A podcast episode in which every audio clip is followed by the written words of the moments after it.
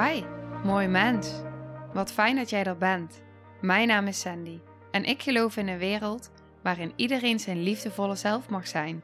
In deze podcast praten we openlijk over alle struggles die je tegenkomt op het moment dat je tegen jezelf aanloopt.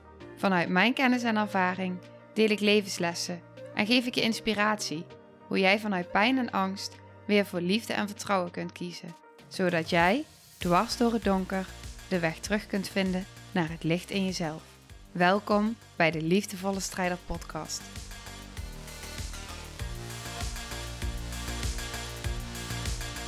Hallo, hallo. Hallo. Ik zit hier weer samen met Elle. Ja, we zijn alweer. Ja, voor de volgende Ja. aflevering. Er zat even een week tussen. Ja, Dat het even niet lukte om samen. op te nemen. Ja. dus, eh, maar nu kunnen we verder gaan. Ja, dus ja, ik, waarschijnlijk weten jullie al over welk thema het gaat. Ja. Dit is gewoon over het vervolg op de... eh, ja, waarschijnlijk ook als je hem aanklikt heb je het gelezen. Maar dit is het gevolg op, vervolg sorry, op ehm, de lesdagen bij Anna Verwaal. En vanuit welke zicht we die ehm, beleefd hebben. Mijn verhaal is al voorbij gekomen. Dat van Sandy. Ja, nu gaat Sandy, en ik ook deels, Ja. nog met een ander stukje verder. Jezelf toelichten welk, dat, eh, welk stuk dat is. Ja, ik zat natuurlijk bij Anna Verwaal in die verdiepingsdagen als, eh, als vanuit mijn eigen kindstukken te luisteren, vanuit mijn geboorte. En tegelijkertijd luisterde heel veel in mij mee, ook betreft, nou ja, vanuit mijn moederschap, zeg maar. Dus eh, ik luisterde vanuit mijn eerste kindje, wat ik ben verloren, miskraam. Ik luisterde vanuit Noah, mijn zoon, eh, en hoe zijn eh, geboorte is verlopen, dus mijn bevalling. En ik luisterde terwijl ik daar als mama zwanger ook nog daar zat. Dus ik was echt vanuit verschillende perspectieven gewoon, ja, het luisteren naar alle informatie die tot me kwam. En dat, eh, ik denk dat er heel veel waardevolle dingen in zitten die ik daarin heb ervaren, eh, waar ik graag in mee wil nemen. Ja. ja, dat vond ik ook super waardevol. Hoe jij daar ook als ehm, ja, zwangere eh, dame zat. En ook wel, eh, Anna deed dat zo mooi. Die vroeg dan dus ook aan het begin van, nou ja, is er iemand zwanger? En hoe jij ook tussendoor die connectie hield van, nou, het is oké. Als er iets heftigs eh, voorbij kwam. Dus dat, eh, nou ja, dat komt zo vast nog wel meer. Maar dat vond ik wel echt heel erg mooi. Ja, Ja. dankjewel. Het was voor mij ook heel mooi om te ervaren, omdat ik voelde echt van ja, ik, ik voel altijd als ik zwanger ben, als ik ergens naartoe ga of als ik informatie tot me neem, voel ik een ja of voel ik een nee. Want ik wil niet alles tot me laten komen terwijl ik zwanger ben, want alles ook bij Ja. het kindje komt. En bij dit voelde ik ja, want ik kan mezelf hierin dragen, dat weet ik ook. Ehm, ik ga niet dissociëren en mocht het zo zijn dat ik voel dat het echt te veel is, kan ik altijd de ruimte verlaten. Dus ik voelde ook echt een ja. En wat heel fijn was ook dat Anna Verwaal ook echt rekening daarmee hield. Dus als er bepaalde foto's voorbij kwamen, werd het ook benoemd. En er zijn momenten geweest waarbij ik heel bewust niet heb gekeken. Ja. Omdat ik dacht, ja, ehm, dat doet namelijk ook iets. ja, zeker. Ja, wat ook interessant was, die komt nu door mij heen. Ik kreeg gisteren de vraag van iemand, dat is een hele mooie vraag. Die zei tegen mij, ik vind het soms een beetje gek, zei ze, om echt tegen mijn buik te praten als ik iets tegen mijn kindje wil zeggen. En ik had ergens tussen neus en lippen door, of in ieder geval in, in een berichtje had ik eh, benoemd dat als wij samen in een sessie zitten, dat het kindje dan helemaal meegenomen wordt in de energie, maar ook hè, dat ik het kindje laat weten van nou, ik weet dat je er bent. Ja. En als we voelen dat er iets verandert, dat we dat dan, nou, dat ze dat ook in stilte kan zeggen naar binnen, zeg maar. Mm. En toen zei ze van, ehm, ik dacht altijd dat je dat echt hardop moest zeggen. Ehm, en dat vond ik wel een hele mooie, want ik kan me best voorstellen dat, dat, dat, je dat, dat veel mensen dat denken. Ja, zeker. Terwijl eigenlijk, ook als je kijkt naar die dagen bij Anna Verwaal, ehm, het bewustzijn is er. Ja. Dus het kindje weet het vanuit voelen, vanuit de energie, ehm, die is daar gewoon bij. En dat hoeft dan niet het te horen. Ja, en daarin is het, kijk, het, het mag wel, het kan wel. Je Ja. kunt wel contact maken, ja, zeg maar even, hey lieverd, eh, Ja, ik voel, ehm, ja dit, is, dit is van mama, ja. Maar het, het hoeft niet, want als je intentie zet, dan eh, is, is dat gevoel net zo eh, Ja, en als je het gewoon... aanwezig. Ja, precies. En natuurlijk hoort een kindje ook pas vanaf Ja, 20 weken. Die dacht ik ook net, ja. ja. ja. Ja, dus, het is, dus ik vond dat, en die komt nu plopt zo even bij me op, maar ik dacht, ja, is eigenlijk wel een hele mooie, want ja, vanaf het moment eigenlijk dat je, nou ja, dat, dat je überhaupt zwanger wil worden, moment van conceptie en moment dat je het weet, dat zijn echt de momenten waarop je, ja, die connectie al kan gaan. eh, Ja, dat Maar- heb jij gehad, toch? ja. ja. Ja. Ja, het is heel bijzonder. Ja, soms komen dingen gewoon. ehm, ik weet dat ik nog niet wist dat ik zwanger was. En dat ook de innesteling nog niet eh, was geweest. Maar dat ik in een vrouwencirkel al. Ja, ik hoorde het mezelf gewoon zeggen. Dat ik eh, het zieltje verwelkomde. Zonder te weten dat het mijn eigen zieltje was die in mijn baarmoeder zat. Dat is heel bijzonder. Oh. Ja, ik stel op zo'n moment dan ook geen vraag. En denk, ja, oké, ja, het zal wel. Ja, precies. Ja, ja, dat is wel grappig. Een korte tijd daarna, ja, Ja. toen wist je dat het jouw zieltje was. Ja, op een gegeven moment voelde ik, eh, eigenlijk vanaf het moment dat ik, dat de innesteling was, voelde ik dat er iets in mijn lijf veranderde, in mijn energie meteen. En toen wist ik, hé, hey, ik ga richting mijn ongesteldheid. Maar wat ik voel in mijn lichaam, dat voelt zo anders. Ja, en toen wist ik het eigenlijk wel. Mm, ja. Ja, het is een hele andere energie. Mooi. Ja, ja oké. Ehm, wat misschien fijn is. Even kijken, want hier komen denk ik dadelijk nog wel stellige dingen Ja, belangrijk zijn, toch? Ik weet dat op een gegeven moment hadden we het dus over die, eh die baarmoedertypes. Mhm. Dat hebben we dus ook al eerder in een podcast genoemd. Maar ja, toen vanuit ons, onze eigen geboorte. Ja, ja. En, ja. Ja, en ik luisterde dus natuurlijk ook vanuit, oh ja, hoe zou het dan zijn in mijn eigen baarmoeder, zeg maar. Mhm. En toen hoorde ik dus op een gegeven moment dat Anna het had over de haunted Ja. baarmoeder, het spookhuis. En ehm, toen zei ze dus dat op het moment dat een kindje indaalt in een baarmoeder, dus het moment van indalen, dus het moment van innestelen Ja. eigenlijk, eh, komt hij dus in een bepaalde ja, baarmoedertype. En als daar dus een, een miskraam is geweest of een abortus, en die is niet verwerkt, dan, ehm, dan, dan zit dat dus nog in die baarmoeder. ja, die energie is daar gewoon nog voelbaar. Ja, Ja. ja. En ik weet dat zij zei dat dus niet meteen van eh, dat het dus ook te maken heeft met wel of niet verwerkt. Dus toen ik dat hoorde van oh miskraam en abortus, nou in mijn geval was het dus een miskraam met sterren. En dat ik wel echt meteen dacht van, maar dan is Noah dus ook in een eh, baarmoeder gekomen, vier maanden nadat ik een kindje heb verloren, zeg maar. En toen zei Anna daarna, en ik heb dat ook echt zo opgeschreven, die is echt wel heel belangrijk. Als ouders de tijd hebben genomen om verlies te voelen, houdt de baarmoeder niet vast aan de ervaring. En daar heb ik achter gezet. Godzijdank. Ja. Ja, maar dat is natuurlijk alles, alles wat je dan hoort, dan ga je denken, oh ja, heeft, heb ik, ja, hoe is dat? Zeg Ja, maar. En natuurlijk. wat heeft mijn kindje dan, nou ja, Noah in dit geval dan meegekregen? Ja, jij hebt eh, met sterren gewoon met een heel mooi ritueel dat wel ehm, verwerkt voor jullie samen. Ja, eigenlijk vanaf het moment dat ik wist dat eh, het hartje niet klopte, was ik acht weken. En nou, bij 16 weken ja, is het zeg maar echt eh, losgekomen. Toen hebben we ook daar een ritueel in gedaan. Maar die acht weken daarvoor, ja, ik heb daar echt een heel proces in gehad. En ik heb dat ervaren als eh, heel helend. En heel mooi. Mm. En dat ook echt wel rauw, maar echt, echt een heel bijzonder eh, proces. En ik heb toen natuurlijk eh, ook nog een weekend dat ik daar echt eh, heel bewust heling in heb ontvangen. Tijdens een paar innerlijke reizen. Ja, dat was voor mij echt oké.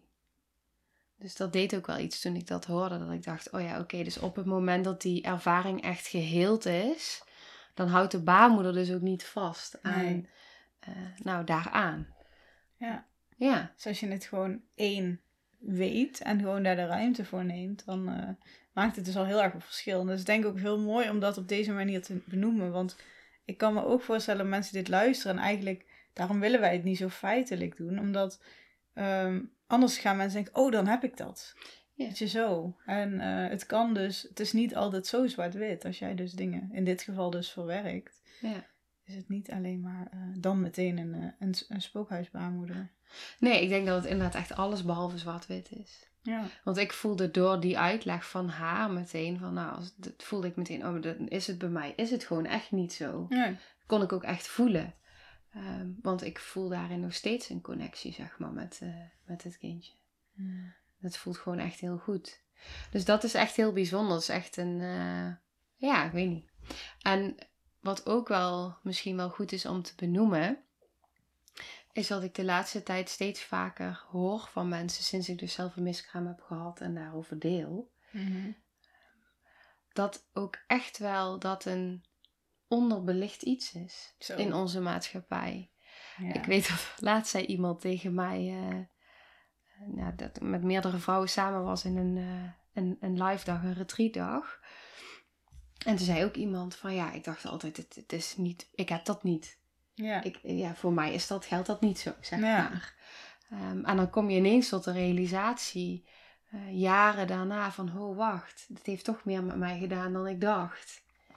En maar hoe vaak gebeurt zoiets dat je eigenlijk denkt, nee, dit valt wel mee. Of ehm, Ja, als er gewoon nog een ander bewustzijn op zit, ja, dan kun je er gewoon ook vaak niet meer mee. Tenminste, als ik naar mezelf kijk, dan eh is er echt wel momenten geweest dat je me dit allemaal niet had moeten vertellen. Dan ik zeg, ja, het zal wel. ja, en dat is natuurlijk ook waar ons brein ook echt, nou ja, dat is wat ons brein doet. Ja, Dat is ook de dissociatie, de derealisatie. Valt ook allemaal wel mee. Gaat het niet Ja. over mij. En natuurlijk onze maatschappij ook. Want het is gewoon, oh je hebt een miskraam. Ja, nou ik ga morgen gewoon weer werken. ja. Ik heb echt vijf dagen in een, eh, ja eigenlijk in een donkere ruimte gelegen. Om echt alleen maar te voelen. Continu te voelen, te Mm. voelen, te voelen. ja. Ja, naar de muur gestaard. En ik dacht, nou, pff, volgende laag, volgende laag. Ja, ja. ja. En hoe vaak wordt, vo- vooral als het, als het kindje nog zo klein is, is het ook heel vaak natuurlijk nog niet verteld aan familie en vrienden. Dus dan wordt de miskraam ook met regelmaat niet gedeeld. Ja, dat en dan ben je er gewoon helemaal al- alleen, nou ja, met je partner waarschijnlijk. Maar ja, dat, natuurlijk maakt het, dat maakt het en eh, uitdagender om te verwerken. Ja. En een stukje van gewoon eigenlijk geen erkenning. Ja, en die zie je dus vaak ook in opstellingen terugkomen. Mhm. Dat als er dus een miskraam is geweest die niet is verteld, die eigenlijk verborgen is, dat, dat heeft zo'n impact in het familiesysteem. Dat gaat zo doorwerken, dat is echt bizar. Ja. En dan zie je ineens tijdens hun opstelling, zie je gewoon daar eh, een, een miskraam opgesteld. Hmm. En hoeveel dat dan doet, ja, dat is echt. eh, ja, daar staan we niet bij stil hoeveel dat eigenlijk in het systeem doet. Het is zo belangrijk om daar eh, erkenning aan te geven, zoals jij zegt. ja. Ja, recht aan te geven. Ook bestaansrecht aan te Ja, maar geven. dat is het. Het heeft gewoon een bestaansrecht. Want dat vind ik bij jou zo mooi. Ik, ja, ik wist wel dat je zwanger was toen van sterren. Maar nu is het gewoon als iemand aan jou vraagt van... ehm, hoeveel kinderen heb je? Dan zeg je twee. Ik ben zwanger van de derde. Ja. Ja. Ja, dat hoor je... Ja, ik Ja. hoor het oprecht amper. Ja. Tot niet omheen. Ja, het is ook, het is ook echt. ehm, ehm, soms weten mensen ook, als je dat zegt, ze weten ook niet zo goed hoe ze daarop moeten reageren. Dus dat kan ook wel ongemak eh, veroorzaken. Nou vind ik dat prima, want als iemand, nou ja, dan, dan kan ik daarmee zijn. Ehm, maar het doet natuurlijk, het kan ook weer iets raken bij de ander. Dus ik merk dat ik, ik heb wel eens ooit in de supermarkt gehad dat iemand het aan me vroeg en dan dacht, oké, nee Sandy, nu even niet. Ja, oké. Weet je wel, nee, Die dit is ik echt wel. niet oké. Ehm, en dat ik het dan naar binnen deed, zeg maar. Oh ja. Dat ik dan de erkenning gewoon in mezelf gaf. Nou ja. Ja, maar eh, in, in de meeste gevallen benoem ik het wel, ja. Ja, Ja, want het hoort er gewoon bij. Ja. Dus, eh, ja, dat is ook gewoon zo. ja, ja, ja. Ja, oké. ik denk dat dat wel... ehm, ja, ik denk dat dat voor mij wel het belangrijkste was betreft eh, hoe ik luisterde eigenlijk vanuit dan het, het, de miskraam, zeg maar. Ja. Ja. En toen gingen we naar, eh, Noah. Ik ga even mijn, want ik heb dingen opgeschreven. En ik zei net al tegen Elle van, ik vind het altijd heel fijn om, als ik dingen opgeschreven heb, dat ik het eh, in ieder geval bij me heb liggen of zo. Ja, want als ik jou dan er doorheen zie gaan, dan ben je ook oh ja, ja, oh ja, dit. Je weet het allemaal wel, maar het is uh, Ja. gewoon fijn dat je hem even helder hebt. Precies. Ja, ja. dat helpt. Ook omdat het al even geleden is. Ja, klopt. Ja. En dan eh, even een slokje van mijn thee. Ja, dat ga ik dan ook, oh, ga ik dan ook doen. Hmm. Ja. Ja, wat ik heel bijzonder vond aan ehm, de, wat ik hoorde over de bevalling van Noah. En dat is echt zo systemisch hoe dat werkt. Is dat ik hoorde, we hadden het dus ook over patronen, zeg maar, naar aanleiding van een keizersnee of een tangverlossing of nou, een navelstreng. Ja, nou Die ja. allemaal. En wat ik dus heel bijzonder vond om te horen daarin, was dus dat ik hoorde dingen terugkomen die Noah had na zijn geboorte. Ehm, Die te maken hadden met een tangverlossing die mijn man heeft gehad. Eh, nou, ik weet niet of het te maken heeft met, met dat hij het heeft gehad, maar wel dat ik dacht, hè, Eh, dit zijn allemaal dingen die, eh, die horen bij een tangverlossing, maar die heeft mijn man gehad en niet Noah. En dat vond ik heel interessant, want toen dacht ik, ja, maar dan zie je dus eigenlijk hoe bepaalde dingen systemisch zo worden doorgegeven, Ja. zonder dat je daar eigenlijk, eh, ja, je hebt er wel een soort van invloed op door het aan te kijken. Ja, Maar als je er niet bewust van bent, gaat het dus gewoon zo verder. gaat gewoon mee. Ja, En dan moet ik meteen aan zo'n situatie denken. En ik ga hem niet helemaal toelichten, want ik denk dat dat qua privacy niet aan eh, ons is. Maar Anna deelt ook vaak over een situatie van een bevalling waar zij bij was. Waar de vader iets op een exact moment zegt. Ja, en dat zij met die, met die moeder van die vader na de bevalling in gesprek gaat. En dat bij zijn eigen bevalling precies hetzelfde op exact hetzelfde moment gebeurde. Dat je dan denkt, hè? Ja. En dat is gewoon... eh, en op dat moment dacht de vader, waarom zeg ik dit? Ja, en waar ik ook aan moet denken, die heeft zoveel indruk op mij gemaakt, wat zij deelde daar ook over. Dat het heel duidelijk werd tijdens de bevalling. Ik weet ook niet precies hoe ze deelde, misschien weet jij dat nog wel, want ik kon alleen maar één ding onthouden wat echt impact maakte. Ehm, maar dat de bevalling moest op een bepaalde manier gaan. En ehm, hoe dat dus precies ging, kan ik niet herinneren. Misschien jij wel. Maar waar het uiteindelijk dus op eh, neerkwam, was dat de vader het kindje echt moest eh, halen. Ja. En dat uiteindelijk moeder dus ook overleed. Weet je dat nog? Vader ging alleen door met het kindje. Weet je dat niet meer? Oh, dat Nee. maakte zoveel indruk op mij. Toen zag je ook nog die foto. Dat vader zeg maar met het kindje... Maar dat, nee, maar dat was wel een, was een andere situatie. Ja, nou, ik kan zeg. het niet helemaal... Nee. Nee. dat was sowieso een andere Ja, dan dan die jij zegt. weet ja. ik die oh, ja. Nee, oké.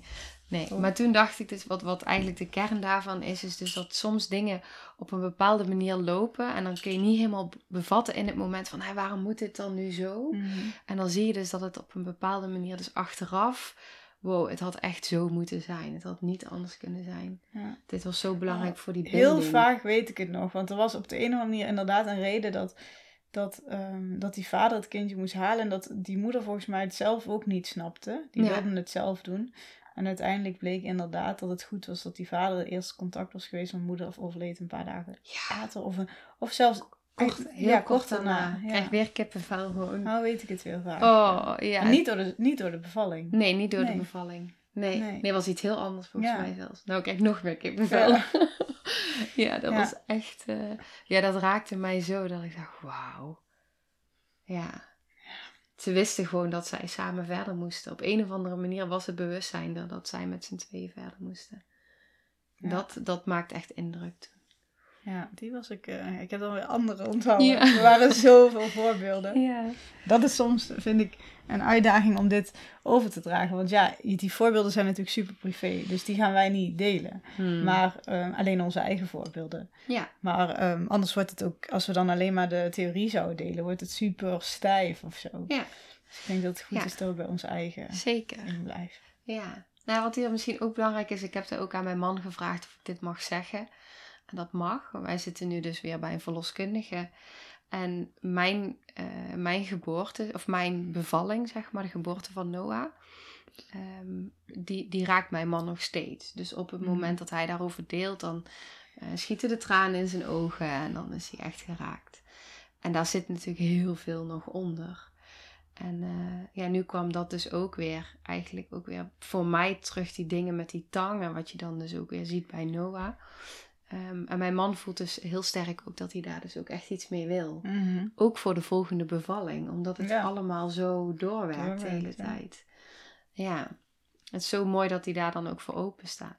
Ja. Ja, het is echt bijzonder. Ja, wat ik eh, ook hoorde tijdens, eh, want ik luisterde, ik weet niet of je dat herkent, maar op het moment dat je dan iets gaat luisteren wat dan over jezelf gaat, als, nou, misschien ook als luisteraar, als moeder, eh, dat je dan ook echt gaat luisteren van oké, ehm, hoe erg is de schade, zeg maar. dus, dus ik ging luisteren vanuit, oké, hij heeft zelf gekozen voor zijn moment. Oké, gelukkig. Hij heeft, eh, we hebben allemaal weeën gehad, dus hij heeft het hele proces gehad. Ehm, maar uiteindelijk is het dus een keizersnee geworden. En ehm, geen spoedkeizersnee, weet je wel. Dus zo ging alles de hele tijd in mijn, eh, in mijn gedachten. En het werd dus uiteindelijk een, nou, een gewone keizer. Ja, wat is een gewone, Ja. maar een keizersnee. En wat ik dus ook hoorde, en dat maakte mij zo gefrustreerd. Heb ik het met jou gedeeld, toch? Ja, maar ik hoor het dadelijk waarschijnlijk als je het zegt. Ik hoorde dus op een gegeven moment, ik weet, je, ik ben heel erg geneigd altijd om dingen heel erg op mezelf te betrekken. Dus op het moment dat er iets gebeurt, dan ga ik denken, oké, wat had ik hier aan kunnen doen? En wat zegt dit over mij? En alles, alles naar mezelf toe. En ik hoorde dus, ik weet dat ik lag eigenlijk, ik heb mijn hele bevalling vanaf moment één eigenlijk, dat ze me, nou, dat ze me gingen inknippen, eh, begon ik met schokken en ik ben niet meer opgehouden. Ik heb echt uren geschokt. En tijdens de keizersnee was ik dus voor de helft, zeg maar, eh, ehm, nou ja, eh, ja, verlamd soort van, denk ik. Mijn onderste eh, ja, je deel. was dat was gewoon onder... eh, Ja, eh, ja, verdoving. ja, verdoving. Ja. En, en de rest van mijn lichaam was dus nog steeds aan het schokken. Volgens mij hebben ze me toen, dat weet ik eigenlijk niet eens meer zeker, maar volgens mij hebben ze me toen ook nog vastgemaakt. Maar dat durf ik niet met zekerheid Oh, te zeggen. Zo. Maar ehm, ja, dat weet ik gewoon niet meer. Bizar eigenlijk. Maar wat mij dus best wel indruk maakte, ook wat Anna Verwaal dus deelde, is dus dat ik weet het moment dat Noah dus eh, eruit werd gehaald, toen kwam hij vrij snel op mijn borst. Dat vond ik heel belangrijk.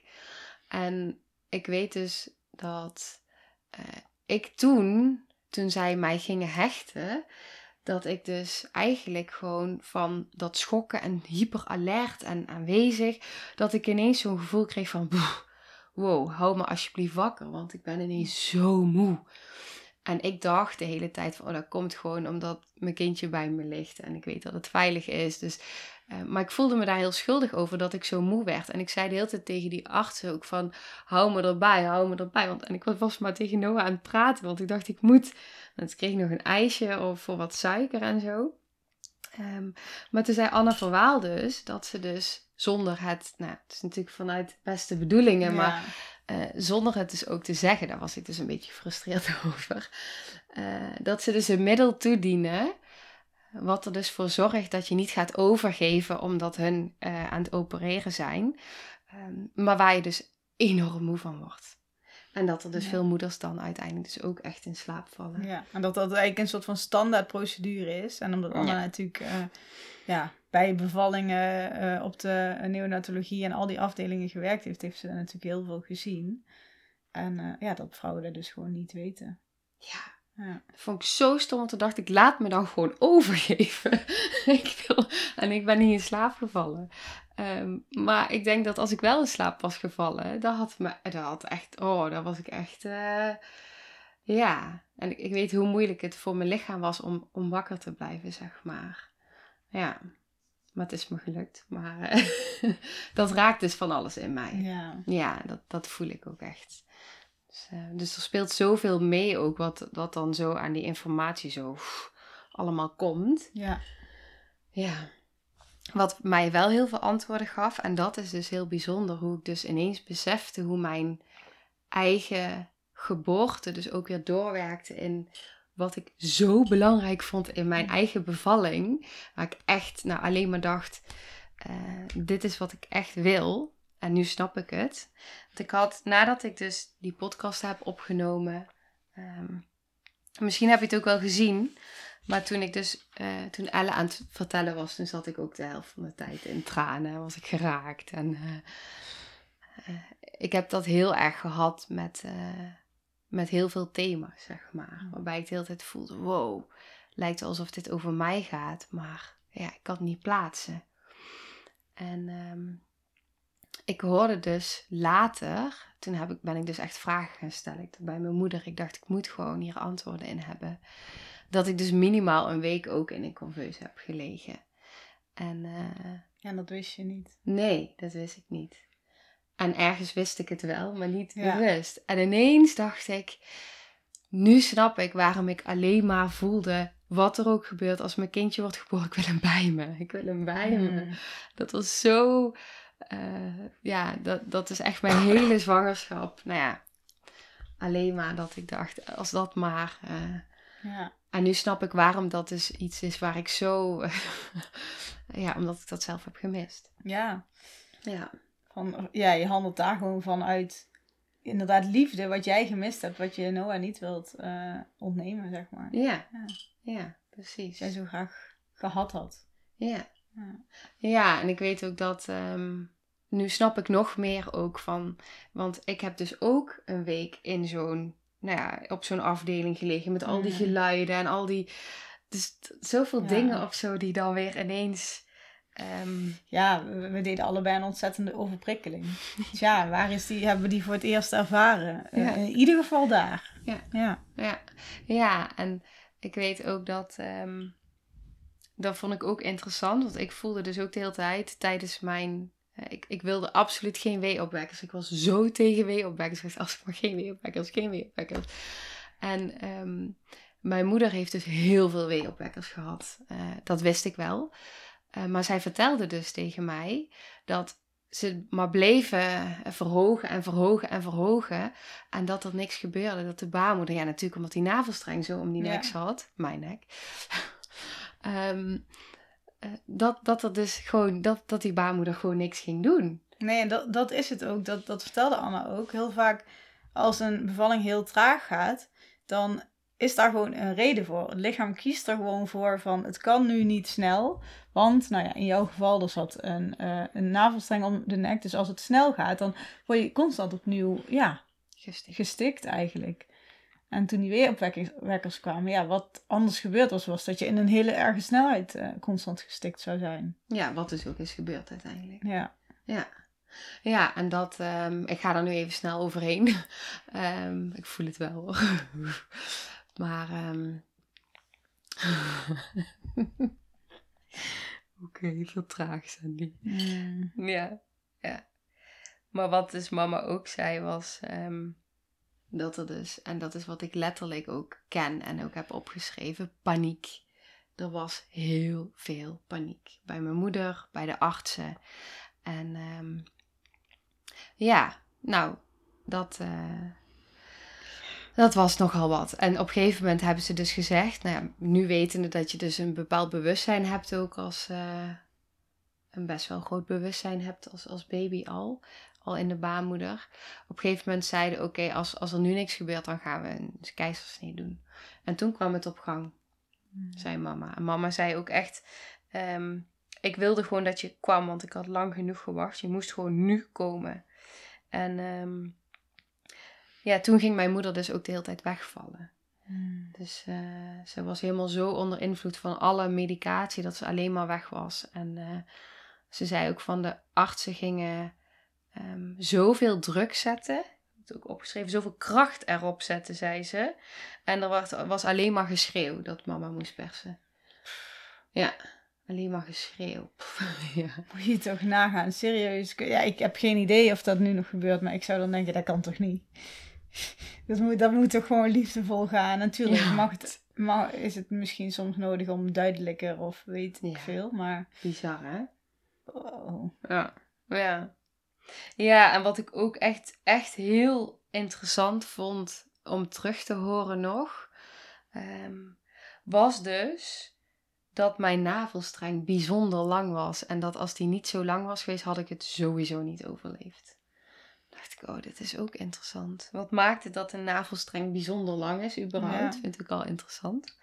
Er kunnen natuurlijk superveel redenen voor zijn. Ja, Misschien gewoon omdat je dus hoort het overleven. ja, ja. precies. Ja. ja.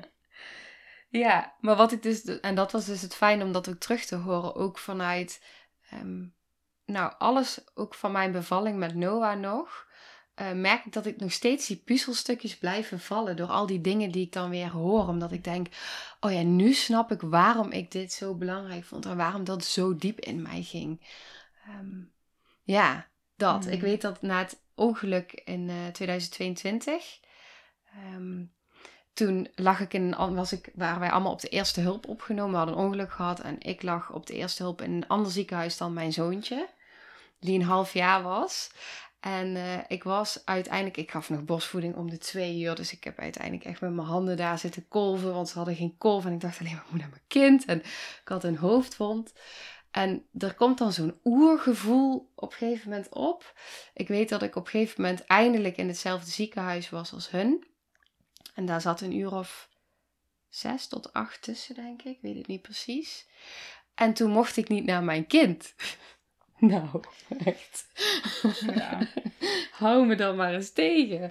Ja, en Ja. dat zijn echt van die dingen dat ik in, dat is zo'n oergevoel dat je gewoon, ja, dat, dat, dat, is, dat gaat zo diep en dan ga je gewoon. Ehm, en, en dat zijn van die momenten en dat, dat, dat link ik nu dus ook aan mijn bevalling terug.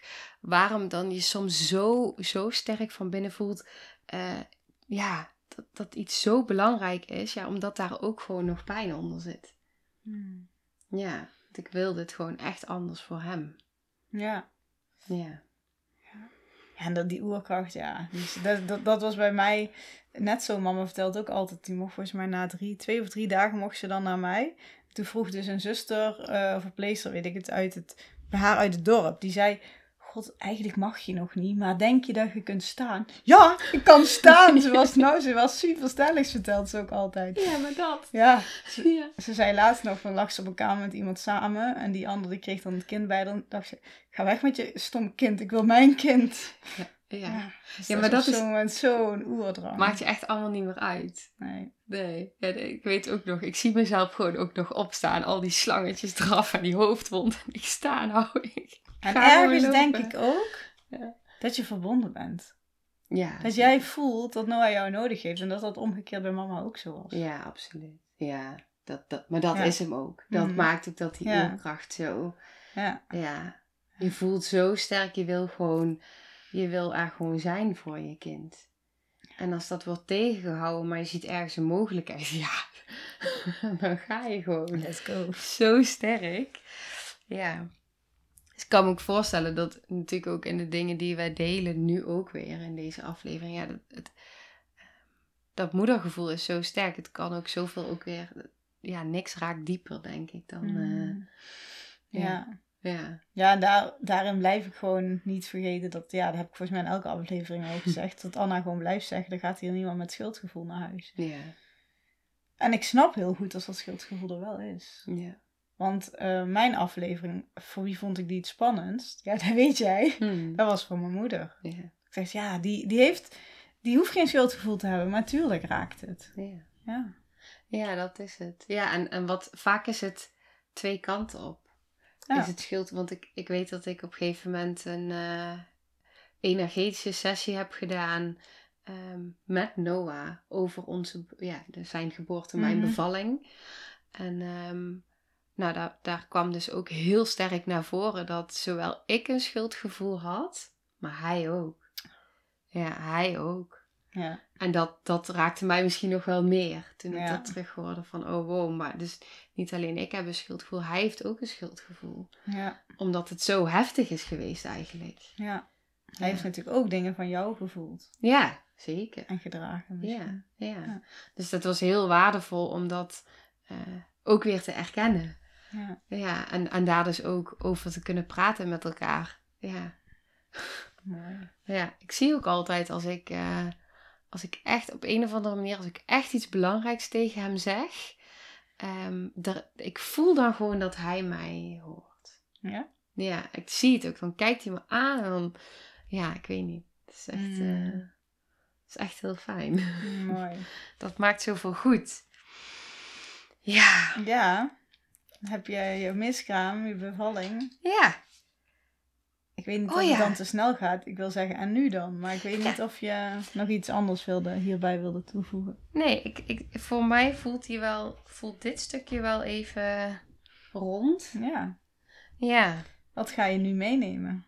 Ja, nou wat ik heel erg heb meegenomen eh, op dit moment, in ieder geval in een keuze die ik heb gemaakt, eh, betreft mijn huidige zwangerschap, is dat eh, op een gegeven moment, ik had daar ook echt een vraag in, dus dat ik dacht, oh, ik wil meer weten over echo's. Ehm, en dat kwam ook aan bod, dus dat was heel fijn. Ehm, maar wat er eigenlijk eh, voor mij echt, wat ik daar echt uit heb gehaald betreft echo's, is dat een keer een echo is oké, maar niet, de, niet, niet iedere week.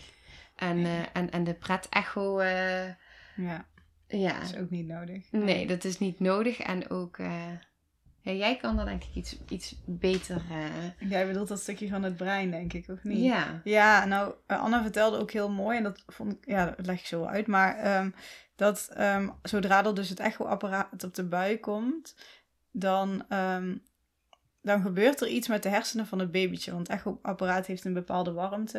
En die hersenen die zijn in ontwikkeling en die hersenen worden dan eigenlijk ja, letterlijk verwarmd. En die, ehm, volgens mij, ver- verklonteren of zoiets in die geest eh, ze dan. Dus het is ook gewoon echt voor het kindje niet goed. En het mooie vond ik ook nog dat we, volgens mij drie of zo, drie kraamverzorgers, nee niet kraamverzorgers, drie ehm, verloskundigen in de, in En de groep hadden. echoscopisten en dat die ook zeiden, we zien eigenlijk best heel vaak dat een kindje wegdraait. Ja. Dat een kindje eigenlijk gewoon zo van, ik wil helemaal niet Hm. gezien worden. Ehm, of ja, je hoeft me niet te bekijken. Het zegt eigenlijk ook al superveel. Ja. En dan, oh, toch nog maar even. Ja. Ja. Ja, en ook inderdaad dat echt uit onderzoek eh, ook is gebleken dat het een bepaalde overprikkeling geeft aan de hersenen. Ja.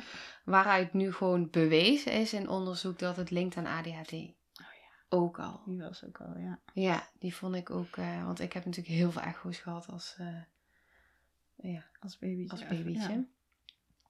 Ja, en, en wat mij ook eigenlijk bij is gebleven, is als je het dan hebt over de pret-echo. Ik weet niet hoe Anna het zei, maar ze zei het heel mooi. Ze zei, kijk, een pret-echo kan wel pret zijn voor de ouders, maar is het, is het ook eh, Pret voor het pret kind. voor het kindje?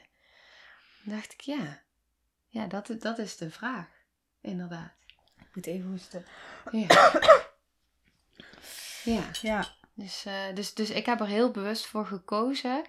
Eh, deze zwangerschap, we hebben natuurlijk de termijn echo gehad. Ehm, volgens mij was dat bij tien weken ongeveer. En eh, we hebben ervoor koos- gekozen dat we dus nog één echo doen bij 20 weken. Ehm, En that's it. Ja. ja, en wat ik ook zo, dat vond ik echt heel bizar. Anna liet zo'n plaatje zien van een, dat was dan in Amerika al opkoming, dat je een soort van constant eh, ding om je buik had, zodat je constant je baby kon zien. Ja, Dat ik echt dacht, waar gaan we heen? Ja. En dat zij ook uit eh, contact met ouders en bevallingen die zij begeleidt had, dat ze gewoon zag dat kinderen die, waar heel veel dus letterlijk naar gekeken was, eh, dat die in het latere leven heel vaak het idee hebben dat ze of bekeken, of dat ze niet goed genoeg zijn, of dat ze niet volgens het boekje het doen. Ehm, denk ik, ja, super logisch. Faalangst. Ja, want dat is wat je constant kijkt. En wat, kijk, na twintig weken hoort een baby het. Dus als jij dan zegt, oh, hij groeit niet goed, of hij doet dit niet goed, of er zit iets, nou, baby, hoppatee, ik neem hem mee. Ja. Ja, en het, is, wat ik wel belangrijk vind om hierbij te benoemen, is wel dat ik denk dat ook dit niet zwart-wit is. nee. Dus op het moment dat jij voelt van nee, maar ik, heb, ik wil heel graag een 13 weken echo en ik wil heel graag nog een echo bij, wel een pret echo, want het geeft mij rust van binnen om het kindje te zien. Ja, dan is het natuurlijk iedere keer afwegen. Want op het moment dat jij voelt dat jij een bepaalde onrust hebt en die echo geeft jou vertrouwen en rust en dat voelt het kindje ook, dan is het natuurlijk ook weer een Ja. Ja, dus, dus ik denk dat dit ook heel erg... Ik vind die wel belangrijk om erbij te benoemen. Eigenlijk in alles wat we delen. Ja, tuurlijk. Het is zo... ehm, dit is echt mijn ervaring en jouw Ja. ervaring. En eh, nou, onderzoeken. ja. Maar het belangrijkste is, hoe voel je je erbij? ja, en blijf je in contact met het kindje. Want als jij het in contact doet en stel zo'n Ja. kindje draait weg en jij niet gaat zeggen, nou kom nou eens even. ja, maar gewoon uit liefde zegt, nou is het oké daar? Is het voldoende? Nou, ik ja, zie even uitleggen wat je gaat eh, doen. Ik wil je even, ik zou het fijn vinden om je even te zien. Eh, nou, ik hou van je. Ik ga nu heel kort door de bocht, maar dat is wel al heel anders. Ja, en het is denk ik ook belangrijk om te benoemen is dat ook al je gevoelens, dus ook als je angst voelt en dit allemaal hoort en denkt, oh god, dan mag ik dat allemaal niet meer voelen. Het is echt oké om dat te voelen. Ehm, ik weet dat ik bij de termijnecho, dat kwam echt net van tevoren, het moment voordat die eigenlijk plaatsvond, dus een half uur daarvoor, voelde ik ineens dat er, eh, dat er spanning in mij opkwam. Omdat ik natuurlijk de ervaring heb met mijn eerste kindje, eh, dat het eh, mis was, zeg maar, dat het hartje niet klopte. Volgens mij was dat trouwens wel later, want het was de tweede echo. Ik had wel een echo gehad waarbij het wel klopte. Dus Ja, dat weet ik nog. ja, dus ik denk dat het iets later is geweest dan Ja. acht weken. Maar goed, dat maakt even niet uit. Maar ehm, wat ik dus voelde was dat ik dus in een herinnering kwam met mijn lichaam van, oh jee, dadelijk is het. En ik wist dat het goed zat. Maar toch kwam wel even dat Mm. gevoel. En wat ik op dat moment heb gedaan, is ik heb dat dus gedeeld met mijn kindje. Mama vindt het heel spannend. En dat is wat je nu voelt. Dit is wat we gaan doen. En eh, ja, ja, dat is het er echt in meegenomen in wat ik voel. Ja, Zonder dan een oordeel naar mezelf toe te hebben van, ook ik mag dit niet voelen. Want ja, dit is wat er is. ja. Ja, ja, en dat is ook gewoon die intentie eh, die het kindje gewoon voelt. Ik denk dat er, ja, ik weet niet of die mensen luisteren, dat, maar dat er misschien ook mensen zijn die denken, ja, dat kan een kindje toch niet snappen. Maar het is gewoon een intentie die jij inzet en ehm, ja, die gewoon daarbij helpend is voor het kind. ja ik, dit, is, dit is echt, sorry, ik, ik, zo'n mooie zin die Anne vooral zei als ik jou dit hoor zeggen. Babies don't only feel, they remember. Ja, Dus naast dat ze alles voelen, herinneren ze dus ook alles. ja. En dat, nou ja, als, je- als je twee verdiepingsdagen bij Anne Verwaal bent, dan, eh, dan kun je daar ook niet meer omheen. Dat is, dat, en daar wil je ook niet meer omheen. Nee, zeker niet. Nee, dit is gewoon, dit is echt, echt waar. Ja. Ja, en dat, eh, dat is heel waardevol. Ja, en het voelt natuurlijk ook nog, voor, voor mij in ieder geval voelt het nog meer echt waar, omdat we het dus ook met zoveel voorbeelden van haar gezien hebben.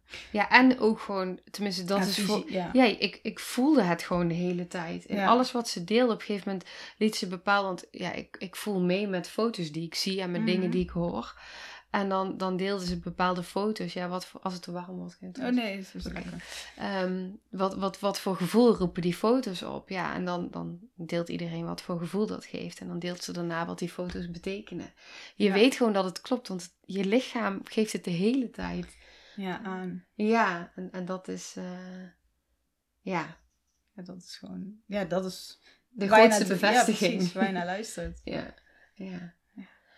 Ja, dus... ehm, En dan nog andere dingen die je nu meeneemt. ehm, De echo's, maar de echo's. Nou, sowieso mijn kindje in alles meenemen. ja, Dat, dat deed ik wel al, maar nu doe ik het nog meer, zeg maar. ja, Dus ehm, ja. Ja, ik deed, ik deed gewoon af en toe. En nu is het bijna alsof het. Of ja, wat is af en toe? Een paar keer per dag. En nu Mhm. is het bijna alsof het standaard is, zeg ja, maar. dat is Het heel. Ja, ja, ja. En ik ga echt wel door processen heen momenteel ook. en, eh, en nu is het wel rustig, maar de afgelopen weken. En dan, dan neem ik het kindje daar ook in mee. En ook echt Ja. benoemen van, oké, mama voelt nu heel veel en het komt hier vandaan. En je hoeft het niet te dragen voor mij. Ja, ja. ja. En ik ben heel blij dat je er bent. Ja. ja. ja. En vooral ook in, eh, nou ja, in, in bepaalde. Ja, ik heb dan vorige week een, ik heb er ook een aflevering over opgenomen hoor, maar eh, in, in een rouwsituatie gezeten bij een, echt een verlies, zeg maar, heel dichtbij in de familie. Eh, in, de familie van mijn man. En ehm, ja, dat, dat, nou ja, dat komt allemaal Ja. door je heen, zeg maar. Ja, dus, dus dat neem ik heel erg mee. Dat ik eh, het kindje echt in alles meeneem. Mooi. En, nog één ding. Ehm, wat ik ook echt meeneem. Ik wilde in eerste instantie heel graag weten... ehm, van is het een jongen of is het een meisje? Dat wilde ik eigenlijk al bij... eh, nou, bij 14 weken kun je dat horen. Dus ik, wilde, ik had een geslachtsecho gepland. Mm. En ik was echt helemaal nieuwsgierig. Oh ja, ik wil het zo graag weten. En toen ben ik dus gaan voelen van, hé, hey, maar wacht eens even. Ehm, waarom wil ik dat eigenlijk weten? Wil ik dat echt weten? Ehm, want, nou ja, hoe belangrijk is dat? Hoe belangrijk is die echo? En wat ik echt zo sterk voelde van mij, want ik heb echt wel een gevoel wat het, wat het is, zeg maar. Maar ik voelde ook zo sterk, het is zo goed. Ja. Het maakt eigenlijk helemaal niet uit. En ik kan prima nog langer wachten. Eh, dus die heb ik daar ook in meegenomen. Dat ik ook daarin echt voel van... eh, ja, het, het is gewoon zo oké. Ja. Ehm, Ga je het nog uiteindelijk wel... eh, jawel, bij de 20 weken Ja. echo wel. Maar het, is, het, is- het gevoel daarin is heel anders. mm, Het was echt zo'n...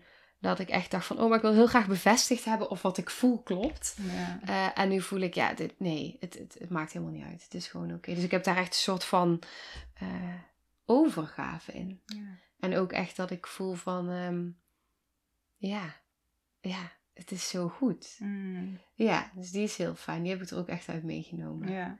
Ja, Ja, en het is natuurlijk super helpend dat jij en eh, Bram ook allebei ook naar je eigen geboortes nu nog willen kijken in de komende maanden. Jij bent er al druk mee. Bram eh, nou, heeft in ieder geval intentie om ermee aan de slag te gaan. ja. En ehm, misschien is hij er al. De, ga ik niet, oh, dat weet ik niet. Maar ehm, ja, dat is denk ik ook super helpend. Ja. zeker. Ja, Ja. absoluut. Ja, dat is heel helpend. En ook wat ik ook heel erg ervaar nu in de zwangerschap, is dat bij Noah dacht ik echt, en nu weet ik dat hij vanuit heel veel onveiligheid en, en toch ergens ook dat daar een angst zat. Ehm, maar ik dacht, oh, ik moet affirmeren en eh, een goed geboorteplan hebben, weet je, alles gewoon zeg maar eh, visualiseren. En ik was best wel druk daarmee. Ehm, en nu zit ik gewoon in zo'n, en dat heb ik eigenlijk vanaf begin af aan al hoor, dus dat, dat was al Mhm. eh, was er al meteen al. Dat heeft niet te maken met, eh, met de verdiepingsdagen. Maar dat ik zo sterk voel van, ik hoef helemaal niets. Mm, Ik hoef alleen maar te zijn. Wat mooi. Ik zie echt serieus jouw huis nog voor je bij de bevalling van Noah.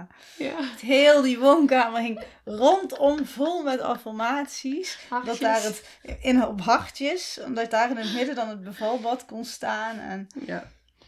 ja. ja, En nu zit ik echt zo dat ik denk, oh ja, je lichaam weet alles. Het is alleen, ik heb ook geen doula nodig. Ik heb niets buiten mezelf nodig. Ja. Het enige wat belangrijk is, is dat ik een goed, gebo of een goed een geboorteteam om me heen heb. Waarbij ik niet de hele tijd eh, weer, net als bij mijn vorige, eh, bij Noah, had ik echt een team om me heen. eh, nou, die helemaal in een soort van angst. dus ik moest hele tijd bij mezelf, bij mezelf, bij mezelf, bij Mhm. mezelf. En nu heb ik dat gewoon niet. Mhm. Gewoon vertrouwen. En, en dat doet ook iets bij mij. ja. Dus dat.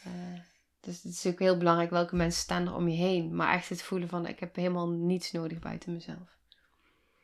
Ja, heel mooi. ja, en dus dat voelt ook heel fijn. Ja, en hoe het loopt, ja. We het het zien. Ja, ja. Wanneer, eh, Wanneer? wanneer komt... eh, ik zeg maar even nu het, want eh, Wanneer het kindje geboren wordt. ik ga dat niet hardop uitspreken. het zal in de lente zijn. Oh ja. Ja, ik, ik denk. ehm, nou, ik, ik denk dat de kans groot is dat het een tweeling gaat zijn. Qua sterrenbeeld. Oh, op die manier. Ja, ik ja, was oh ja. helemaal verbaasd. Ik dacht, die had ik nog niet gehoord. Een tweeling qua sterrenbeeld. Noah ook. Oké, Dus, eh, oké. en als ik eh, mijn eigen datum had uitgekozen, was ik misschien ook wel een tweeling geweest. Want ik was net een stier. Eh, maar ik ben natuurlijk gehaald. Ik was nog Mhm. niet klaar. Dus eh, Hm, Die was nog niet zover. ja. Ja, nou, ik denk dat het... eh, is Ja, er nog iets mooi. wat jij... eh, Nee, volgens mij niet. Ik denk dat het heel helpend kan zijn voor ja, mensen die ook de eerste twee afleveringen hebben geluisterd en nu denken, ja, maar ik ben ook mama. Hoe dan? ja. Ja. Ja, en ook daarin inderdaad dat... ik vond het heel mooi wat jij ook nog benoemde van...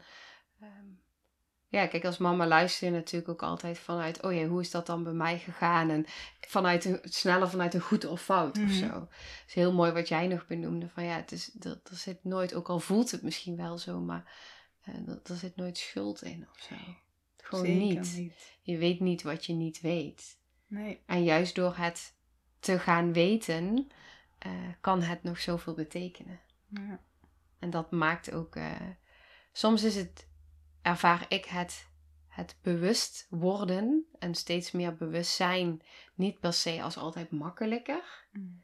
maar wel echt als, als zo puur en zuiver en kloppend en vrij of zo. Ja. Ja, Ook voor alles heel. om je heen. Ja. Ja, het is echt die heelheid. Mooi. Ik vind het mooi om af te sluiten. zo. ik ook. Nou, nou, dankjewel. dankjewel. Ja, jij dankjewel. Ja, dankjewel voor het luisteren. En mocht je nu vragen hebben, dingen waar je meer over wil weten, iets wat wij hebben gezegd, nou, waar je iets over wilt delen, laat het ons vooral weten. ja, zeker.